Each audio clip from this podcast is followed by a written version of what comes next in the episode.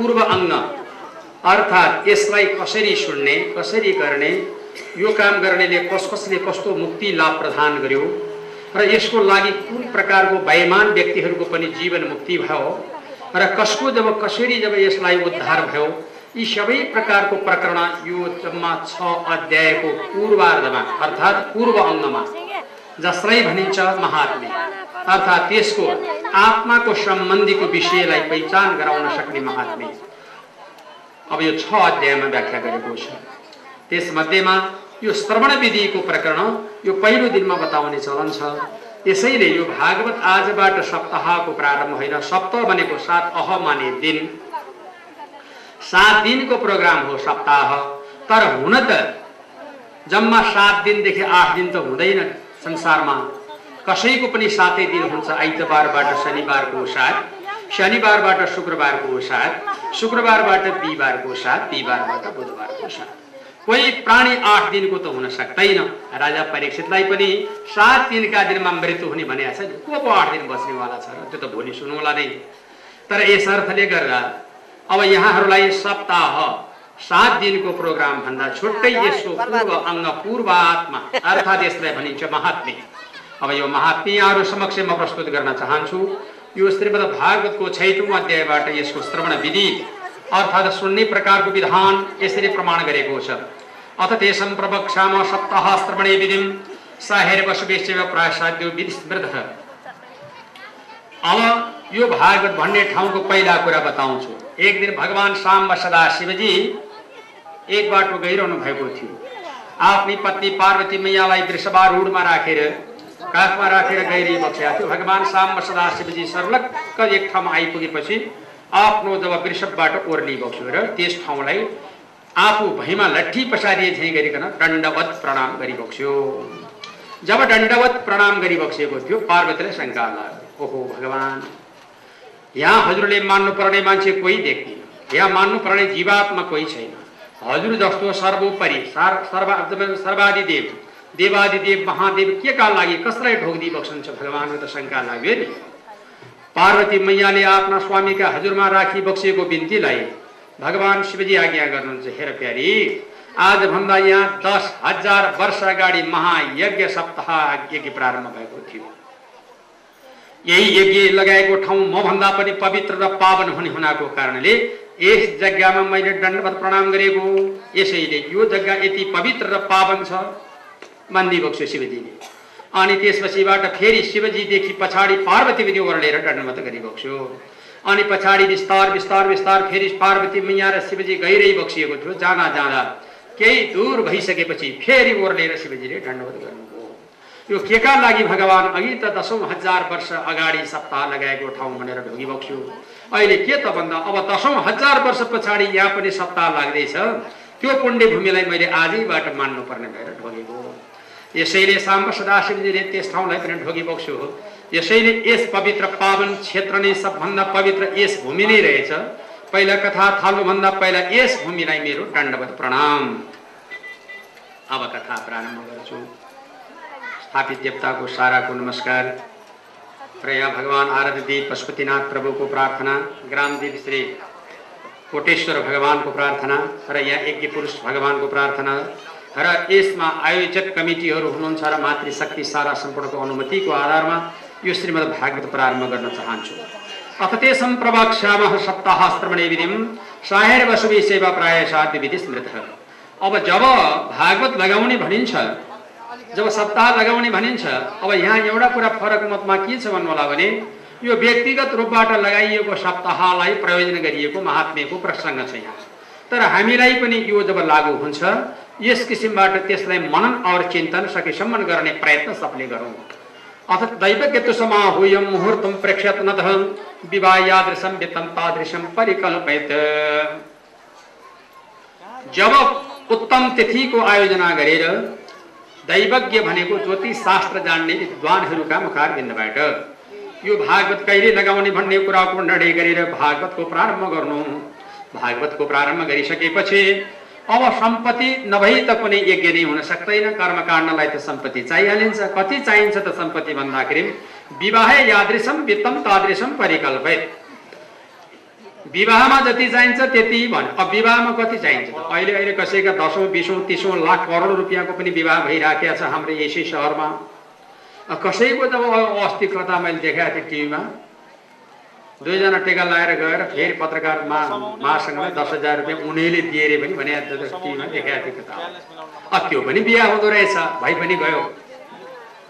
अब कस्तो प्रकारको विवाह गर्ने त अब? कति चाहिन्छ त यहाँ भन्दा जस्तो विवाह यसको भनाइको तात्पर्यता के सम्झाउनु पर्यो यहाँहरूले भनेदेखि विवाह र भागवतमा सम्पत्तिको लेखा हुन सक्दैन। हुनेले जति भने पनि गरे हुन्छ नभए नहुनेले भागवतको पुस्तक राख्नु पूजा गर्नु बस प्रारम्भ गरिहाल्नु भने हो है विवाह यादृशम वित्तम तादृशम परिकल्प। विवाह र जब भागवतमा सम्पत्ति यति कुराको आवश्यकता श्रोत्रणाम मोक्ष सूचक भनेको छ।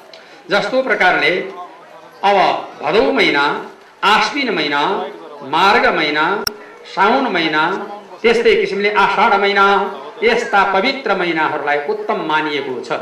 र अहिले कार्तिक महिना आश्विन महिना माघ महिना फाल्गुन महिना यी महिनाहरूलाई पनि मानिएको छ। वैशाख महिना त्यस्तै प्रकारले मानिएको छ।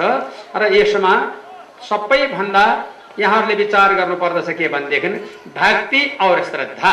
र प्रेम सद्भाव पूर्वक जहिले गरे पनि हुन्छ यसमिन कस्मिन दिने मर्त्य भक्ति श्रद्धा सन्निहित यसै कारणबाट भक्ति र श्रद्धाका साथमा जहिले अब भगवान्को लागि कहिले कुन दिन कुन दिन गर्ने कुन दिन नगर्ने।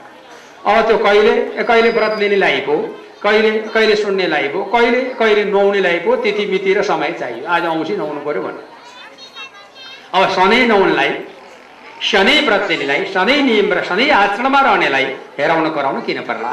त्यसको लागि अन्यथा हुन सक्दैन यसरी रहनु र अनि यो श्रीमद् भागवत कस्तो छ भनेदेखि दुरे हरि कथा केचित दुरे आच्युत कीर्तन अरू अरू कुरालाई ढिलाइ नै हुन्छ। सुन्नुभयो? अरू अरू कुरालाई ढिलाइ हुन्छ कुनै अप्ठ्यारो छैन। पाप गर्ने कुरामा भरसके ढिलाउन पाए टरिहाले हुन्थ्यो। झुटा बोल्ने काममा भरिसके टरिहाले हुन्थ्यो। त्यो भाषण शासन गर्ने कुरा नि अहिले हाल भरिसके नगरे नि हुन्छ। झुटै कुरा गर्ने हो। हल हल भन्ने हो हुने कुरा केही होइन त्यसै कारणले त्यो झुटो बोल्ने ठाउँमा चाहिँ भरसके टरे टरोस् बरु मिडियामा नाइरहोस् चाहिएको छैन कसैलाई। तर यसमा चाहिँ दुरे हरि कथा के चाहिँ दुरे अच्युत कीर्तन भनेको छ। यो चाहिँ धेरै धेरै धेरै धेरै दुर्लभ जन्मका प्रभावबाट पाउने हुनाको कारणले यसमा चाहिँ ढिलाइ नगर्नु। चाँडो चाँडो चाँडो झट्टै झट्टै झट्टै आउनु किन भनेदेखि सतम पियाय भोक्तव्यम सहस्र श्रणमाम चरे सय काम बिताएर खानु सबभन्दा खानु खाइसकेपछि देख जाएगा। शतम बिहाय भोक्तव्यम सहस्र स्नानमा चरे हजार काम बिताएर नुहाउनु लाख काम बिताएर दान गर्नु। कोटी नाम हरिस्मरित करोड काम बिताएर हरिको नाम सङ्कीर्तनमा दौडाउनु भनेको छु यो सात दिनलाई सब अब बिदाबादी सबै काम हुँदा। घर पनि अब गजबार। अफिस पनि बिदाई। सबै पढ्नेले पढ्नु अरू काम सबै अरूले चाहिँ छोडेर अब पढ्ने चाहिँ पाठ्यक्रम फेरि जब दोहोऱ्याइदियो भन्दा नदोहोऱ्यो होला। अरू काम सब यतातिर लाग्छ किनभने शास्त्रले यही प्रकारको निर्णय गरेको छ। त्रिय सूत्र ए तेस्रा बोधय तो यो भागवत सुन्नका लागि। यहाँ त्रिजाति शूद्र जाति कोही कसैको अधिकार होइन लैङ्गिक भेद हुन सक्दैन जातीय भेद हुन सक्दैन यही भनेको छ यहाँ। क्यो त्रिय को शूद्र को पति को चाण्डाल किरात ऊणान्द्र पुलिन्द पुलकसा आदि कंका यवना ज्ञान रूपी महासागरमा डुबुल्की मार्नका लागि। भागवत ज्ञान रूपी महासागरमा स्नान गर्नका लागि। यहाँहरू पार्नुहोस् भनेर सारा जनलाई बनाउनु र अनि त्यसै त्यसै अवस्थाका बिचमा अब फेरि अब यो शास्त्रमा के बताएको छ भनेदेखि श्रीमद भागवत पियुष पानाय रसलम्पट भागवत रूपी जब यस कारणबाट अमृतको कुण्डमा गएर हामी डुबौँ यसैबाट भागवतबाट बडो कल्याण मिल्ने आगन्तुकना सर्वेसाम वासस्थानानि कल्पित आएका जनहरूलाई वासस्थानको परिकल्पना पनि गरौँ बस्ने ठाउँको बन्दोबस्त मिलाउँ भनेको छ। भोलिबाट हाम्रो अटाउने छान छैन जस्तो लागेको छ। किनभने आजै भरियो भोलिबाट अलिक बढ्ला पक्कै। तीर्थी अब कहाँ गर्ने नि भनेको छ। घरैमा गर्नु भन्ने छैन भागवत। तीर्थी पापी बने बापी गृहे वा श्रवणम मतम विशाल वसुदा यत्र कर्तव्यम तत्कथास्थल अब यसको आधारमा तीर्थे बापी बने बापी। तीर्थमा गर्नु जङ्गलमा गर्नु घरमा गर्नु अर्थात् विशाल पशुता यत्र कर्तव्य तत्कथा स्थलमा सबैलाई भाग पुग्ने ठाउँको विशाल चौरमा गर्नु जस्तो टोडी खेल जस्तो ठाउँमा। है मलाई यही कथाको आधारले म एकपल्ट टोडी खेलमा सप्ताह भन्नु पऱ्यो भनेर सुरु गऱ्यो मैले चारतिर भनिसकेँ थिएँ त्यस कारणले सबलाई पुग्ने ठाउँ तत्कथा स्थलमा यसरी विशाल शोधनम यो के गर्ने ठाउँलाई के गर्नु शोधनम मार्दनम चैव भूमेर लेपन धातु मण्डलम अर्थात् पहिला सोर्नु बढार्नु लिप्नु गाईको गोबरले मण्डलकार गर्नु अनि त्यसपछिबाट कसैहरू सारा सम्पूर्ण किनारा लगाउनु अनि त्यसपछिबाट कर्तव्यम अब केराका थामहरू चन्दुवाहरू यिनै प्रकारका झन्झरीहरू यी सारा सम्पूर्ण रङ्ग बेङ्गका चित्र विचित्र फोटाहरू यस्ता प्रकारबाट भगवान्को जब मन्दिरहरू जस्तो हुन्छ सुगन्धित लेपन अत्तरको जब उपासना धुप बत्तीको उपासना र अनि त्यसपछिबाट सारा सुगन्धित लेपनहरू श्रीखण्ड कुमकुम आदि गरिएका धुप बत्तीको उपासनाले यस प्रकारबाट यज्ञलाई सुशोभन गराउनु। अनि त्यसपछिबाट श्रीमद् भागवत सुन्नका लागि कर्तव्यको निश्चित उदौमुखो भवित वक्ता उत्तरपट्टि कर्ता फर्केको खण्डमा। पण्डित पूर्वपट्टि फर्कनु पूर्वपट्टि कर्ता फर्केको खण्डमा उत्तरपट्टि पण्डित फर्कनु उदौमुखो भवेद वक्ता श्रोता प्रामुखस्तथा प्रामुखो भवेद वक्ता श्रोता उदौमुखस्तथा अथवा पूज्य पूज्यको पूज पूज्यको मात्रै त पनि भनेको छ है। अर्थात् त्यो दिशा मिलेन। के गर्ने?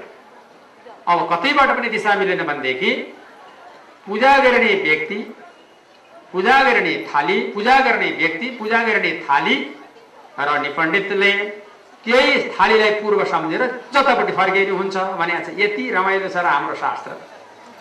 हाम्रो हिन्दू संस्कृति रोकटोक कतै छँदै छैन। खुला खुला खुला खुला एकदम प्रतियोगिता। खुला कतैबाट रोक छैन। तब भन्यो सक्छौ भने यसरी बस नमिले के गर्छौ त? भन्दा जहाँ मन लाग्छ त्यति फर्क त्यही थालीलाई पूर्व सम्झ भन्छ फेरि यस्तो आनन्द। यस्तो शास्त्रको विधान छ। र अब त्यसदेखि पछाडिबाट त्यस्तै अरू अरू विषयमा पनि हाम्रो त्यस्तै सरल छ त्यस्तै सरल छ। पहिला भन्छ नखाइकन बस यहीँ अहिले नखाइकन बस। अनि खायो खानै मन लाग्यो के खाने भन्दाखेरिमा दुध खाऊ भन्छ। त्यति पनि तरलले पुगेन चपाउनै पर्यो के खाने ठोस आएर भन्दाखेरिमा होइन अब फलफुल खाऊ। फलफुलले पनि भएन अब के खाने भन्दाखेरिमा अब हुन्छ एक छाल चाहिँ राम्रैसँग खाऊ भन्छ फेरि। यस्तो आनन्द दिएको छ। अनि त्यसमा नि केही लागेन भने के गर्ने त भन्दा धेरै चाहिँ नखाऊ लघु आएर सुखा भयो दुई छाइ खाए नि खाऊ थोरै खाऊ भन्छ फेरि। यस्तो आनन्दको शास्त्र छ। कतै जब त्यस्तो किसिमबाट टाइट छैन यहाँ भन्नेले बिगारिदिएर बर्बाद पाइराखेको नखाऊ भनेको छ ग्यास्ट्रिकको घर किन नखाने? खायो हुन्छ? खानु तर धेरै नखानु भनेको हो तर यस कारणबाट आखिरमा लघु आएर सुखा भयो यही भनेको अब यस श्रीमद् भागवत सप्ताह श्रवण गर्नका लागि भनेको के छ भनेदेखि यहाँ बडा बडा विधान लाग्यो राम्रोसँग पूर्व सात सात लोकको परिकल्पना माथि तल सात लोकको परिकल्पना गर्नु मध्य भागमा भगवानको मूर्ति स्थापना गर्नु र लक्ष्मी और नारायण परमात्माको प्रार्थना गर्नु अनि त्यसपछिबाट बारम्बार सुन्ने भएका जनहरूका लागि सारा सम्पूर्ण जनहरूलाई राख्नु। विरक्तिहरूलाई वैष्णवीहरूलाई ब्राह्मणहरूलाई वेदशास्त्र जान्ने जनहरूलाई यस्ता प्रकारले बोलाउनु। अनेक धर्म विभ्रान्त अनेक धर्म अरू धर्म लागेका जनहरूलाई त्यति लायक छैन किनभने ऊ निन्दनीय हुन्छ यहाँ। यज्ञलाई निन्दा गर्छ त्यस्तो यज्ञलाई निन्दा गर्ने व्यक्तिले नसुने पनि हुन्छ। किनभने जो व्यक्तिमा जसको विश्वासको सङ्कट छ त्यो उसले सुन्न लायक छैन। संसारमा धर्म छोडाले नसुन्ने हुन्छ यो धर्म छोडाले नसुन्ने हुन्छ। किनभने धर्म छोडा भनेको के हो? अलिकति फेरि अरूलाई ऊर्जा नमिलोस्। अहिलेका मान्छेहरूलाई अन्याय गर्ने अत्याचार गर्ने भ्रष्टाचार गर्ने घुसखोरी गर्ने तस्करी गर्ने चोरी जारी पैठारी गर्ने सात सिमाना च्याप्ने। यी को हुन्? यी पापी हुन्। यसरी सारा जनहरू जम्मा हुने भगवान् कृष्णको प्रतिमा स्थापना गर्ने लक्ष्मीनारायण परमात्मालाई प्रदक्षिणा गर्ने नमस्कार गर्ने संसार रूपी सागरबाट कर मोहबाट नाश गर्ने भएका यस्ता भागवत रूपी कथालाई मेरो बारम्बार नभो नम गुण तुति गर्नु ध्यान गर्नु मनन गर्नु अनि भगवान्को मन्त्र बारम्बार पढ्नु। ओम नमो भगवते वासुदेवाय द्वादशाक्षरी बाह्र अक्षर। ओम नमो भगवते वासुदेवाय ओम नमो भगवते वासुदेवाय वासुदेवाय वासुदेवाय वासुदेवाय ओम नमो भगवते वासुदेवाय ओम नमो भगवते वासुदेवाय वासुदेव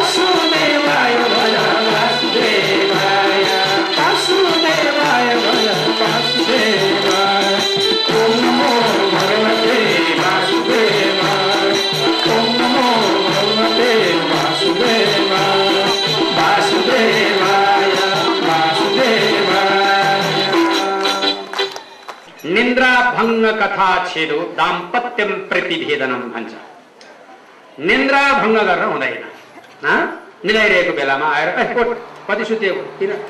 काम भयो त उठाउने पऱ्यो नत्र किन जब उठाउने त नि त्यो सुतिरहोस् निन्द्रा भङ्ग कथा छेद कथामा भङ्ग गर्न हुँदैन। आफूले नसुनिने अरूले सुन्छन्। किन बात गरिरहने त्यसै? त्यसै कारणबाट अर्कालाई यसो यता सुन् त। किन सुन्ने? किन सुन्ने? अर्कै कुरा सुन्न आएको त्यसको कुरा किन सुन्ने? थिए छ दाम्पत्य प्रतिभेदन भनेको छ स्त्री पनि भेद अर्थात् भरसके नछुट्याइदिनु आफ्नो जीवनका एक प्रकारका पूरक छन् उनीहरू एकै ठाउँमा बसुन्। बुहारीलाई छोराले लान्छु भन्छ भने लान्दिन बुहारी जान्छु भन्छन् भने जान्दिन। दाम्पत्य प्रतिवेदन यसमा पनि दोष हुन्छ भनेको छ क्या अर्को कुरा के भनेको छ भनेदेखि पितृ मातृ वियोग अर्थात् दुध खाने बालक र आमा नछुट्याउनु यो चाहिँ ब्रह्महत्या समान यो ब्रह्महत्या समानको पाप हुन्छ। त्यसै कारणबाट हुन्छ एउटाले बोल्ने सबैले सुन्ने हो यो कथा भनेको मनन गर्ने हो चिन्तन गर्ने हो अरूले। कीर्तन गाएको बेला चाहिँ सबैले भन्ने हो फेरि चुप लाएर बस्यो भने पाप घाटिए बस्छ भने के गर्ने होला? जाने नजाने समर्थन त जनाउनु पऱ्यो नि तालीसम्म त दिनु पऱ्यो यही हो।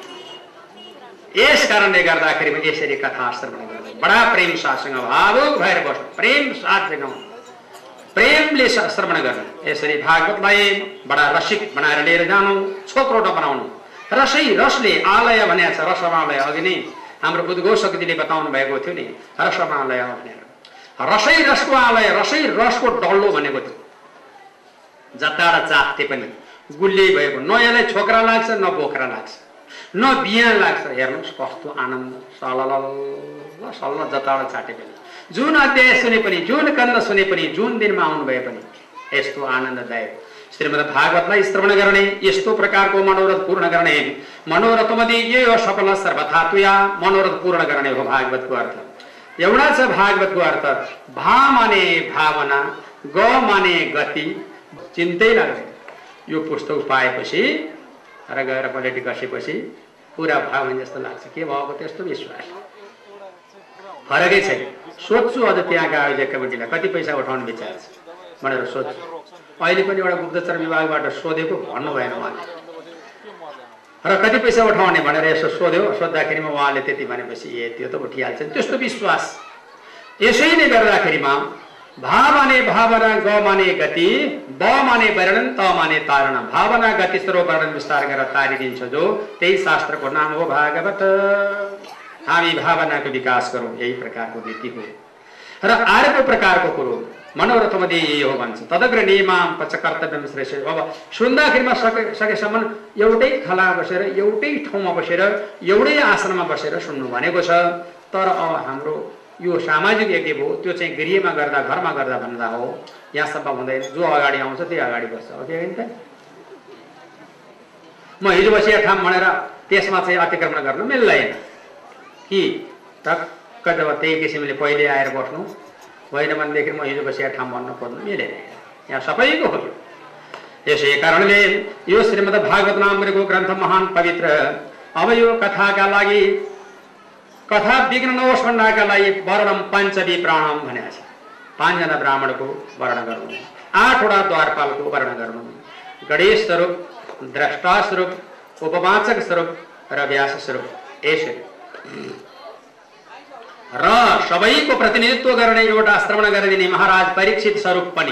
पाप पुण्यको साक्षी। सबै तिमीले सुन्यौ है हामी त कता कता जान्छौँ। सबैको जब अधिकारी आधिकारिक व्यक्ति समस्त प्रतिनिधित्व भूतो हम तपाईँ है। भनेर एउटा परीक्षित भनेर पनि राख्नु भनेको छ। नभए आफैले सुनिदियो राम्रो हुन्छ। जुन परीक्षित राखेको झन् त्यस्तै त्यस्तै राख्दैन केही न केहीको उता उता फर्कि फर्किरहन्छ केही न केहीको।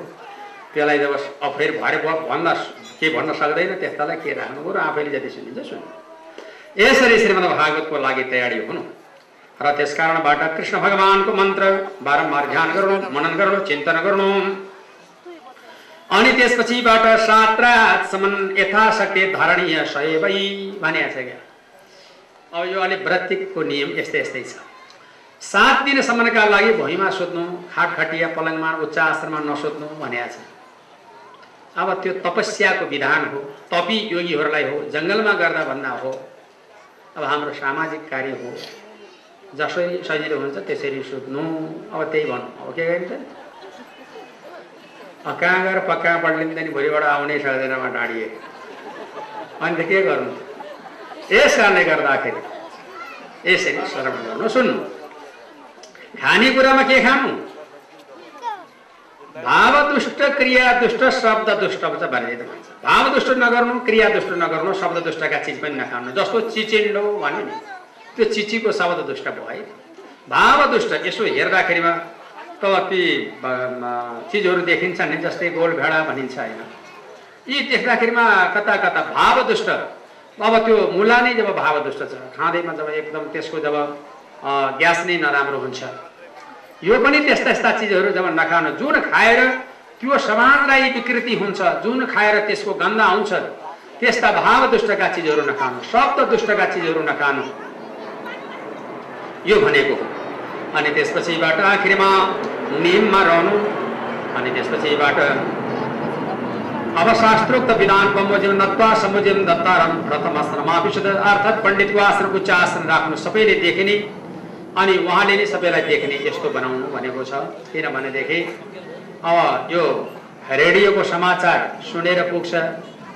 टिभीको समाचार नदेखेसम्म पुग्दैन टिभीले समाचार भने बेला नदेखे समाचार सुने जस्तै लाग्दैन छाया नआउने अनि समाचार मात्रै टिभीले भन्यो भनेदेखि त्यो टिभीले भने समाचार पत्यारै नलाए जस्तो कता कता खोल्लो जस्तो महसुस हुन्छ।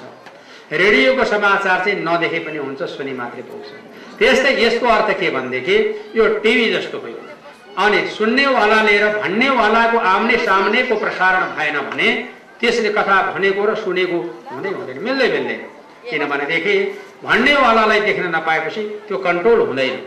अर्थात् जसमा हाम्रो शरीरमा यस किसिमबाट रोग उत्पादन हुन सक्ने अवस्थाको बेला अनि त्यसपछिबाट म्लेक्स जातिहरू जो धर्मलाई पारणलाई विरोधाभास गर्नेवालाहरू प्रत्यक्ष जब तिर्जबिट वेद बाह्य छ अनि ब्राह्मण भएर बेद बिक्री गर्नको तयारी यो रत्नपुष्प भण्डार भटाइटी काठमाडौँ नेपालमा बनेको बेद बिक्री गर्न हुन्छ गयो तर बेद भनेको विचार मन्त्र तिमी कति पैसा दिन्छौ म यो मन्त्र भनिदिन्छु भन्दै हिँड्नु चाहिँ हुन्न। त्यो चाहिँ म बेद बिक्री गर्न हुँदैन भने अब त्यो किताब पाएर बिक्री गर्ने हुन्छ बरु। कोही अप्ठ्यारो हुँदैन। त्यो किताब बिक्री गर्नु हुँदैन भने होइन हुन्छ त्यो। त्यो त ज्ञान दिनु हो त्यो त किन नहुने? तर यदि मलाई ल्याउ तिम्रो घरमा आएर तिमीलाई मन्त्र दिन्छु यस्तो चाहिँ भन्यो भनेदेखि त्यो ब्राह्मण वेद बिक्री गरेको समानको हुन्छ त्यस्तो नभन्नु त्यसलाई पनि जब पकडेर खान नहुने कुरा। पलाण्डु गृजनम अर्थात् चौद्रम मसुरान्नाम च नालिकाम हरेणाकृतम चारणम नसितम प्रथाप्रति भने अर्थात् लसुन नखानु पियाज नखानु गाजर मुला नखानु रातो मुला नखानु भनेको छ त्यसमा गन्धकै हुन्छ। अनि यस्ता यस्ता प्रकारका छ्यापी नखानु भनेको छ ल अब मिठोले त्यसमा पनि नखानु हाले के गर्नु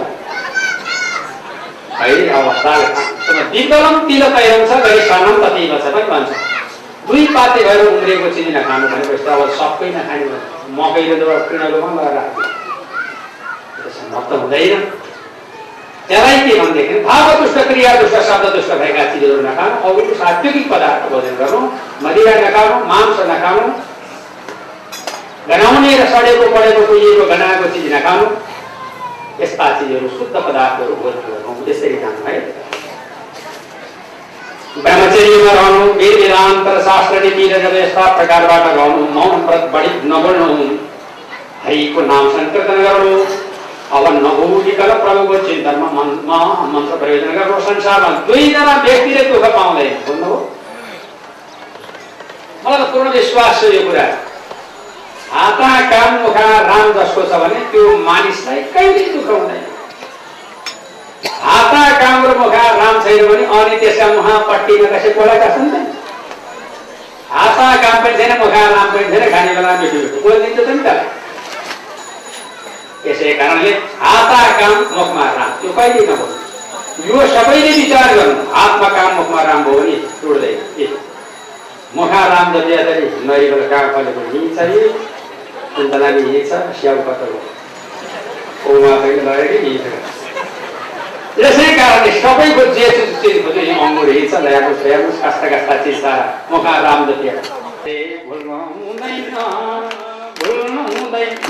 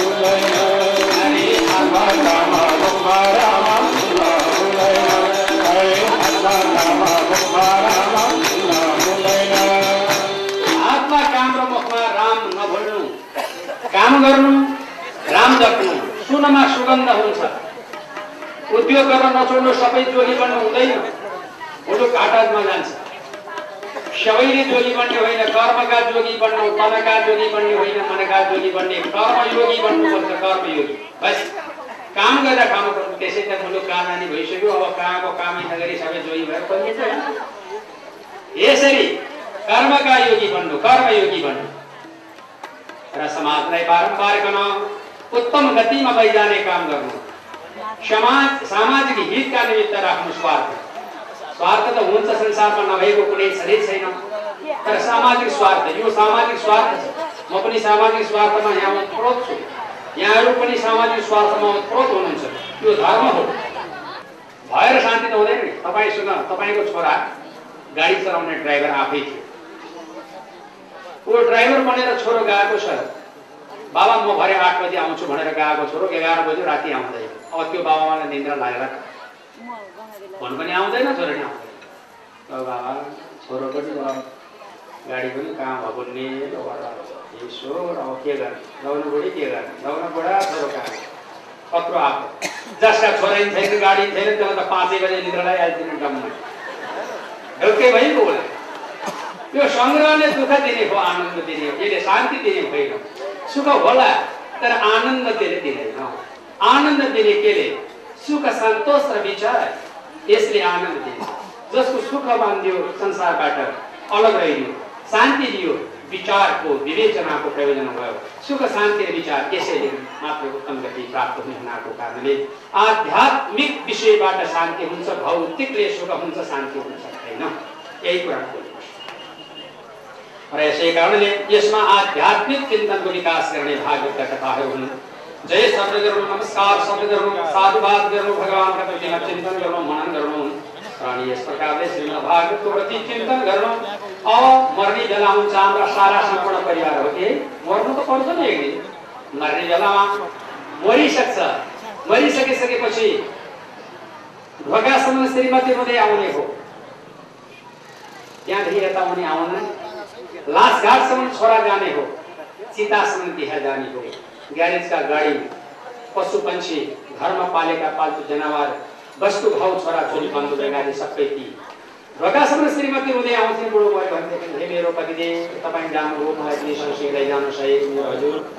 अब म कहाँ जाम भन्दै रोँदै रोँदै ढोकासम्म आउँछु जाम भनेको उनी पनि किन जान्थिन् त जान त? जाम भन्यो भने ऊ पनि तलतिर उक्लिन्छन् भन्नसम्म त श्रीमती त मलाई लैजानु सही त भन्छे त श्रीमान त त्यति पनि भन्छ कहिले नबग्या केरा त्यही धेरै प्रकारका परिकारका खाने वस्तु त्यही दिन सबलाई बोलायो आउन बस आज हाम्रो बाउ मर्या दिनु क्या उत्सव मना। ल। त्यस्तो हुन्छ त बाउ मरेको आमाले जब दिएको ढुङ्ग्री र मन्दिरी गलाको सिक्री यो म मरिगएँ दिने म त छोराछोटी कहाँ दिने यति त प्या हेर बुढा मलाई यो चाहिँ नपट्क्यो भन्छन् नि यहाँ सासू।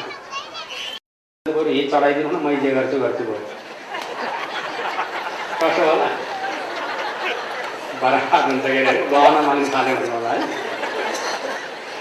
घर बनाऊँ भनेर क्या यहाँ हस् जो जो विचार होला होला अब यही प्रकारको कुरो हो यसरी नै जाने यो हृदय सारा सम्पूर्ण गर्न विधार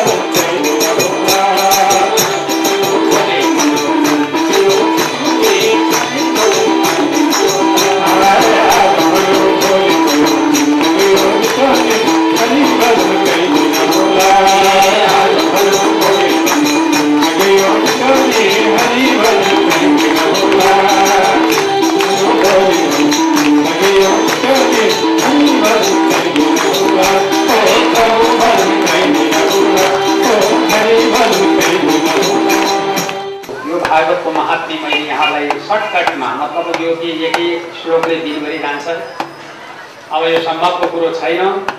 तर यहाँहरू समक्षमा मैले कथा भन्दा अब यहाँहरूलाई एउटा विषय हुन्छ। पण्डित नारायण प्रसाद पोखरेल कथा भन्न आएपछि पैसा उसले गिराउँछ फर भन्ने यस्तो यस्तो छ। एकपटक मलाई नेपालगञ्जमा आइरहेको बेलामा यो यसलाई चिन्छस् भने एउटाले। अह भने। यो पैसा बनाउने साँचो हो भन्यो मलाई। अनि त्यसपछिबाट म त्यो त्यही दिन मैले यहाँ जब टेकअप गरेर फेरि इनाम जानुपर्ने थियो त्यहाँबाट झापाको दुई ठाउँको टिकट चाहिन्थ्यो र अनि त्यसपछिबाट मैले सुनिराखेको थिएँ अनि के त यो गभर्नर हो भने होइन मन्त्री हो भने होइन त्यो नि। फलाना हो भनेर त्यो नाम फेरि भन्यो भने अनि त्यसपछि यसले कसरी जब पैसा गिराउँछ भन्दाखेरि यो कथा भन्छ यसले कथा भनेपछि पैसा खर्रै तिरिरहेको के फेरि अनि मलाई कता कता लाज लाग्यो मलाई त पैसा दान थालेछन् मान्छेले। प्रवेशनको रूपमा त होइन बर्बाद हो भनेर मैले त्यहाँ नजिकमा गएँ। तपाईँहरूको भाइ सबै कुरा मैले सुने तर म त्यस्तो किसिमको होइन। म एउटा आध्यात्मिक चिन्तनबाट रहेको अवशेषले भौतिक विकास होस् भन्ने कामना गर्ने हो। पैसा पाउने साँचो कहाँ पाउने मैले त्यस्तो होइन म होइन भनेर मैले आफ्नो अनुयोग दिने फेरि गरेँ। भनेदेखि यहाँहरूलाई पनि आशा छ यस किसिमबाट ऊ आएको छ। पक्का पनि यस भागवतले पक्का पनि यहाँ पैसा हुन्छ भन्ने कुरा। यसमा त्यो भन्दा यहाँहरू फाल्नुहोस् पहिला यहाँ नि शुल्क प्रवेश छ यहाँ कसैलाई पनि यहाँ शुल्क छैन। यहाँ जातीय भेदभाव पनि छैन। यहाँ लैङ्गिक भेदभाव पनि छैन। यहाँ सबैले यस महायज्ञलाई समानुपातिक उपभोग गर्न यहाँले सक्नुहुन्छ। मेरो पितृको निमित्त भन्नुहोस् एउटा फुल ल्याएर राख्नुहोस्। यो फुललाई तपाईँ जब सम्झिरहनुहोस् कि मेरो पितृ यहाँ आएर बसेका छन् भागवत सुनेका छन् त्यही फुललाई लगेर तपाईँ भोलि गएर बगाइदिनुहोस् भागवतीमा। यसको सकिएको दिनमा तपाईँ दुई दुई गतेका दिनमा त्यही गएर पितृका नाममा श्रद्धाञ्जली गर्नुहोस्। बस पितृ उद्धार भयो। भागवत तपाईँले सुन्नुभयो तपाईँको पितृ उद्धार भयो। यो मानसिकता प्रयोग गर्नु। पैसा यहाँ सेवा फल बनाउनु पर्छ कि पर्दैन? यस मानेमा तपाईँ गम्भीर सोच्नुहोस् छातीमा हात राख्नुहोस्। हामी पैँतिस नम्बर वडाका यस कोटेश्वरवासीले एउटा सभा सेमिनार गर्नु पर्दाखेरिमा उहाँ कमल पोखरी अर्थात् जमल अर्थात् कहाँ कहाँ सभा बानेश्वर। यो पुग्नुभन्दा यही नै भयो भने बेस हुन्छ कि त एउटा विवाहका लागि एउटा व्रतबन्धका लागि एउटा सभा सेमिनारका लागि एउटा जब महोत्सवका लागि हामी किन अर्को अर्को ठाउँमा जाने यहाँका मान्छे फेरि गटगटाउँदै किन उता जाने यहीँ बनाउनु पर्छ भनेदेखि अब मैले पनि केही तनिकेर सहयोग गरौँ। भनेर तपाईँ प्रश्न यस किसिमबाट हृदयमा गर्नुहोस्।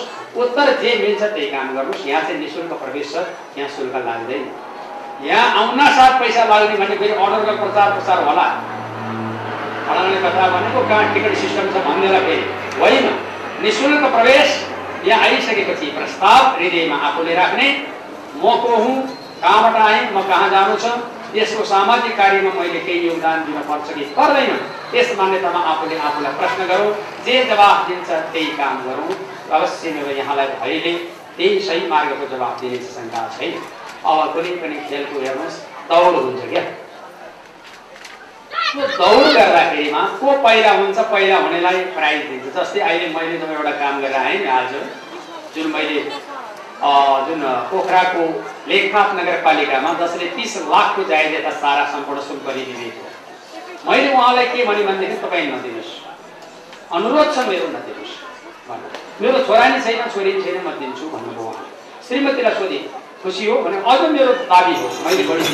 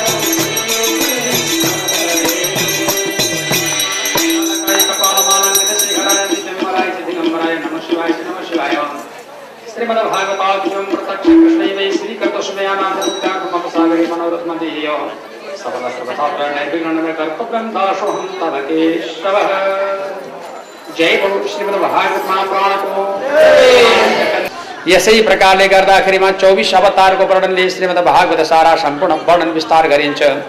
सौनकादिका उपरमा पौराणिक सूत्रैमी सारण्य क्षेत्रमा श्रीमद् भागवतको महिमाको वर्णन विस्तार प्रस्तुत गरिएको छ। अब यसमध्येमा भागवत कहाँ कसरी उल्लेख छ भन्ने बारेमा यहाँहरूको प्रश्नका लागि। अब पहिला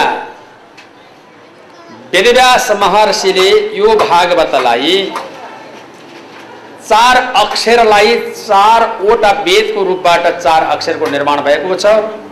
ऋग वेद यजुर्वेद सामवेद अथर्ववेद चार वेदमा भागवत चार अक्षर। चार श्लोकमा परिणत भयो। चार श्लोकलाई उहाँले जब यस किसिमबाट कसरी परिमार्जित गर्नुभयो भन्दा व्यासको अप्रसन्न चित्त रहेछ उहाँले धेरै शास्त्र रचना गर्नुभयो। सा माने चार वेदको चार उपवेद पनि बनाउनु भयो त्यो चार उपवेदबाट पनि सरलीकरण हुन सकेन। अनि ज्ञानका लागि उहाँले तयारी हुनुभयो। ज्ञानका लागि तयारी हुँदाखेरिमा अब के उपाय गर्ने? गम्भीर हुनुभयो वेदिवास महर्षि। र अनि गम्भीर भएका वेदिवास महर्षिले भगवान् नारायण वासुदेवका चरण रूपी कौलमा मन्न कीर्तन इत्यादि गरेर छ शास्त्र रचना गर्नुभएको छ। त्यो हो साङ्ख्य वेदान्त न्याय मीमांस अनि त्यसपछिबाट ज्योतिष व्याकरण यस्ता शास्त्रहरू तयारी भए। त्यसबाट पनि सरल हुन सकेन। अत्यन्त गहिरो भयो यो व्याकरण। अनि काव्य कोषहरूको तयारी भयो त्यसबाट पनि शान्ति हुन सकेन। अनि अब के गरौँ के गरौँ लायो उहाँलाई? र अनि त्यसले उहाँले के गर्नुभयो भनेदेखि सबै प्रकारका नीतिगत सिद्धान्तको प्रोग्रामहरू तयारी गरिसकेपछि शाश्वत ब्रह्म उपदेशका लागि शाश्वत ब्रह्म ज्ञानका उपदेशका लागि नीतिगत सिद्धान्तले भरिएको एक प्रकारको निर्णयका लागि लागि सत्र पुराण सृष्टि गर्नुभयो। त्यहाँ पनि राम्रो हुन सकेन। सत्र पुराणबाट पनि राम्रो हुन नसकिसकेपछि अठार उपपुराण सृष्टि गर्नुभयो। त्यसबाट पनि अझै सरल हुन सकेन। र केबाट सरल हुन सक्छ त भन्ने बारेमा सोच विचार गर्दा सबैभन्दा ठुलो त जब हरि कीर्तनको गौरव थियो भन्ने बारेमा मात्र सोच गर्नुभएको थियो त्यही बेलामा नारद ऋषि आइपुग्नु भयो व्यासको अगाडि। अहो वेदव्यास तिमी माउ हराएको बाछो जस्तो बाछु हराएको माउ जस्तो प्रेमी प्रवासी कामिनी नारी पतिथिसँग वियोग भए जस्तो भगवानको मठ मन्दिरबाट भक्त छुट्याए जस्तो त्यस्तो बडो मलिनता बेचैनको शरीर लिएर उभिएका छौ तिमीलाई के भयो भन। यस्तो किसिमबाट नारदले सोध्नु भइसकेपछि व्यासले दुई हात जोडेर पाउमा नारदको पूजा गरेर बिन्ती गर्नुहुन्छ भगवान् मेरो मन अप्रसन्न रह्यो। धेरै शास्त्रको मैले रचना गरेँ। तर मेरो जब चित्तमा समाप्त जब यस किसिमबाट समस्याको समाधान हुने लक्षण देखिएन विवेक र विचारको उदयमान हुन सकेन। मेरो विवेकमा पर्दा लाग्यो मेरो मन अप्रसन्न रह्यो प्रसन्न पार्ने उपाय के छ आज्ञा गरिबक्छस् भनेर सोधिसकेपछि अहो हेर सबै कुरा तिमीले सृष्टि गर्यौ नारद तर तिमीले एउटा कुरा जानेनौ त्यो कुरा के जानेनौ भन्ने बारेमा नारद भन्नुहुन्छ व्यासलाई तिमीले एउटा कुरा जानेनौ। के कुरा जानेनौ भने हरि कीर्तनले गौरव भएको नीति तयारी गर्न सकेनौ। संसारमा सबैभन्दा ठुलो गौरव भनेको हरि कीर्तन थियो। त्यो तिमीले जानेनौ। अब तिमीलाई मेरो जीवन कहानी बताइदिन्छु सुन। नारद ऋषि वेदव्याससँग आफ्नो जीवन कहानी भन्नुहुन्छ अगाडि म दासीको छोरो।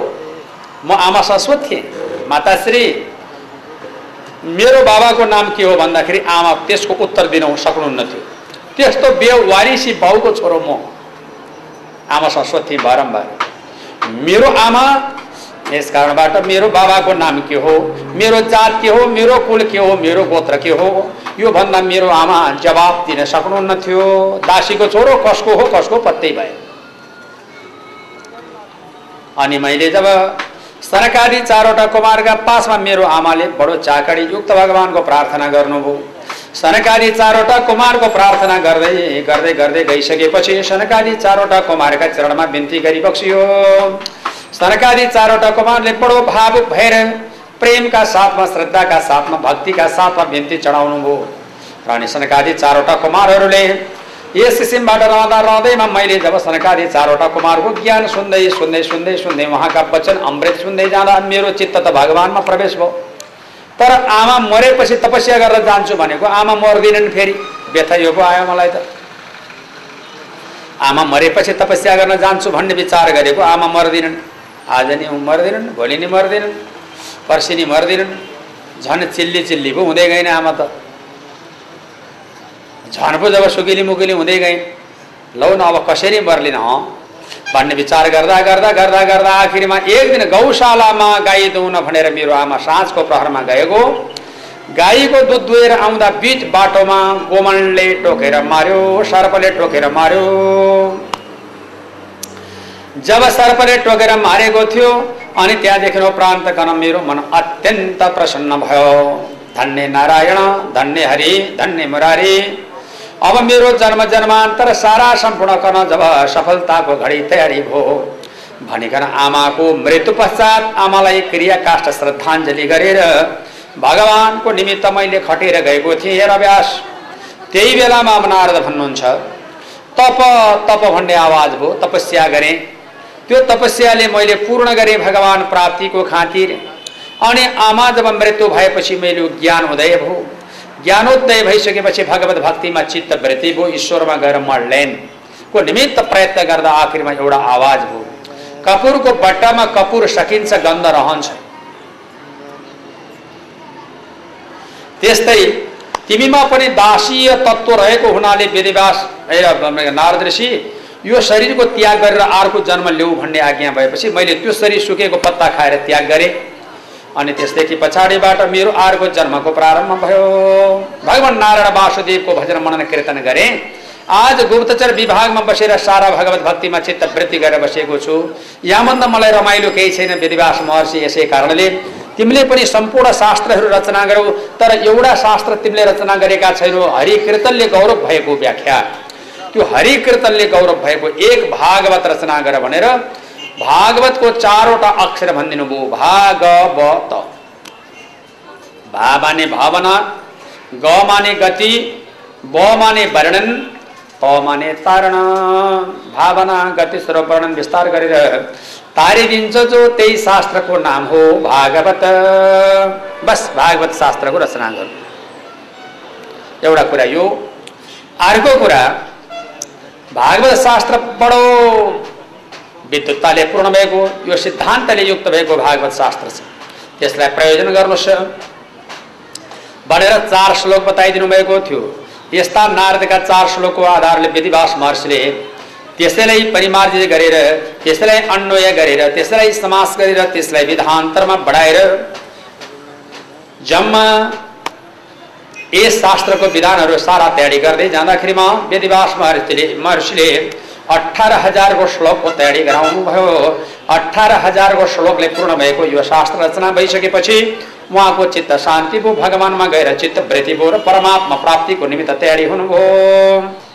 यसै कारणले गर्दाखेरिमा सुन्नुभयो सौनकादि ऋषेश्वरहरू अनि अठार हजारको ग्रन्थले पूर्ण भएको यो श्रीमद् भागवत नामको महान ग्रन्थलाई अरू कुरा केही नसके तापनि मेरो कोटि प्रणाम छ भनेर भगवत भक्ति परमात्मा माथिको चिन्तन र मननको प्रोग्राम तयारी भएको छ लौ त सौनकादि ऋषेश्वर अब भागवत नारदको उपदेशका प्रभावबाट व्यासले रचना गर्नुभएछ सरस्वती नदीको किनारमा।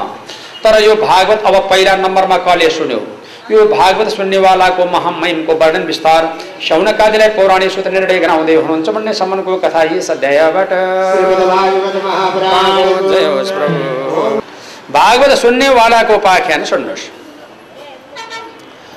पहिला महाभारत भयो त महाभारतमा पञ्च पाण्डवहरू सारा सम्पूर्ण गर्न विजय भयो कौरवहरू सबैको हार भयो दुर्योधन आदिको आज दुर्योधनको जाङ भाँचिएर नागदहमा लड्या छ अरे भन्ने धृतराष्ट्र राजाले दुर्योधनका पिताजीले थाहा पाउनुभयो अनि त्यसपछिबाट दुर्योधन राजा शोकले व्याकुल भएर लड्या छ अरे जाङ भाँचिसक्यो अरे भीमसेनले जाङ पड्काए रे। भन्ने बुझिसकेपछि अत्यन्त शोकले व्याकुल भएर रोइरहेका धृतराष्ट्र राजाका अगाडि अश्वस्थामाजी गएर आज्ञा गर्नुभयो महाराज नरुनुहोस् भन्दा के नरुने? लाज नभएका शरम नभएका तिमीहरू तिम्रा पिताजी तिमी नमोरी नमर्ने तिमी कहिल्यै नमर्ने त्यस्तालाई पनि मारे। भीष्म पितामह इच्छा मर्नवाला त्यो पनि मारे। मुनलाई पनि यसमा उहाँ सरसैयामा लगेर सुताए। वीर कर्ण जस्तालाई मारे राजा साल्व जस्ता मरे। महान डर लाग्दो एकलव्य जस्ताको जब जब शिर गिडाए राजा बरबर जस्ताको शिर गिड्यो भनेदेखि अहिले सारा सम्पूर्ण मेरा उनान्से भाइ छोरा मरे। जेठो छोरा अहिले नागदहमा लडिराखेका छ अरे अझ नरौ भन्छौ तिमी कहीँ नभएका? हो तिमी। धृतराष्ट्र राजाले बारम्बार अत्यन्त कडा शब्दमा जब रिसाउनु भयो अस्वस्थामासँग अस्वस्थामा भन्नुहुन्छ रे महाराज बढी कुरा होइन। आज तपाईँको शत्रु पाँचै भाइ तपाईँका भतिजहरूलाई तपाईँका सय भाइ छोरालाई दण्ड दिनेवालालाई आज म मारेर शिर ल्याएर तपाईँलाई बुझाइदिन्छु। भयो भनेपछि त्यति गर्न सक्यो भने त हुन्थ्यो त भने बुढाले ल त्यसो भनेदेखि हात जब ब्रह्मास्त्र लिएर जानुभयो। र अस्वस्थामा ब्रह्मास्त्र लिएर पाल्नु भएपछि आज महाभारतको लडाइँको विजय भएको दिन घरमा बस्नु हुँदैन। बाबु गङ्गाजीमा तपस्या गर्न जाउँ भनेर भगवान् कृष्णले गङ्गाद्वारा लागि बक्सेको थियो पाँचै भाइ पाण्डवलाई। अस्वस्थामा चाहिँ राता रात आएछन् र जाङ भाँचेर लडिरहेको छ नागदहमा दुर्योधन राजा। भगवान् कृष्णको जब यस किसिमबाट चतुरपनाको प्रभावबाट परमात्माको दयाले उनीहरू चाहिँ गङ्गाद्वारमा पञ्च पाण्डव सरास्र गएछन् सरास्र गइसकेपछि अहिले कहाँ पुगेछन् त? सरास्र गइसकेपछि पञ्च पाण्डवहरू यस किसिमबाट हुन् भन्ने बुझेर घरमा गएर अस्वस्थामाले पाँचवटा पाण्डवका छोरा द्रौपदीका छोरालाई चट्टाचट शिर काटेर ल्याएर अस्वस्थामाले धृतराष्ट्र राजालाई बुझाइदिएछन्। शिर चाहिँ ल्याएर बुझाइदिए गृण चाहिँ छोडे। धृतराष्ट्र राजाले यसो छाम्नु भयो ती बालकलाई अन्धा राजाले पञ्च पाण्डव ल्यायौ ल्याइ काट्यौ काटी। खै त शिर? शिर दिए। शिर यसो छामे त कोमलो कोमलो पो छ होइन त बुढा शिर त हुँदै होइन। बुढाको शिर त जब चाउरी परेको बाक्लो छाला। अर्थात् त्यस्तै प्रकारले फेरि जब नमिलेको दारी जुङ्गा इत्यादि जब हुन्छ खस्रो मस्रो हुन्छ। यो त मुलायम पो छ त नरम छ। यो त पञ्च पाण्डव त होइन। भयो त पाञ्चाल पो होला नै यिनीहरू त भनेर बुढाले पो भनिदिए। अनि जब त्यस अवस्थामा जब दुर्योधनले यो कुरा थाहा पायो ल पञ्च पाण्डव मरे रे भन्ने समाचार पाएको थियो। हर्ष र विस्पत नभइकन दुर्योधन मर्दैन थियो। हर्ष भयो। आहा पाँचै भाइ मरे? मरे। ल त्यसो भए त भनेर बहुत खुसी भएको थियो दुर्योधन। अल्लीखेरमा होइन रे पञ्च पाण्डवका छोरा पाञ्चाल पो हो रे। भन्नासाथ विस्मत भएको थियो दुर्योधन भुत्तुकै मर्यो। यो दुर्योधन मार्ने षड्यन्त्र थियो। दुर्योधन मर्यो। दुर्योधन मरिसकेपछि महाराज अनि भगवान् परमात्मा परमेश्वरका पाँचै भाइ फुपूका छोरा अर्जुन आदि आउनु पऱ्यो। यसो हेर्दा त द्रौपदी रानी रोइरहेकी कुन्ती रानी रोएकी सुभद्रा रोएकी उत्तरा रोएकी लौ सारा सम्पूर्णकन के के भयो भनेर सोद्धाखेरिमा यो यो प्रकारको प्रकरण भयो सारा बर्बाद भयो लो नराम्रो काम भयो यसबाट राम्रो हुन सक्दैन भनिकन बडा चिन्ताले आकुल व्याकुल भएर स्वकाकुल व्याकुल भइकन सङ्कटको भुमरीमा परेका त्यस्तो प्रकारको समस्याको समाधानको लागि अनवरत प्रयत्न गरेर भगवत भक्तिमा चित्त परमात्माको प्रार्थना गर्दै गर्दै गर्दै गर्दै गर्दै महारानी द्रौपदी भन्नुभयो मेरो भगवान् मेरो छोरा पाँचवटा मरे एकैचोटि मरे अब शिर चाहिँ छैन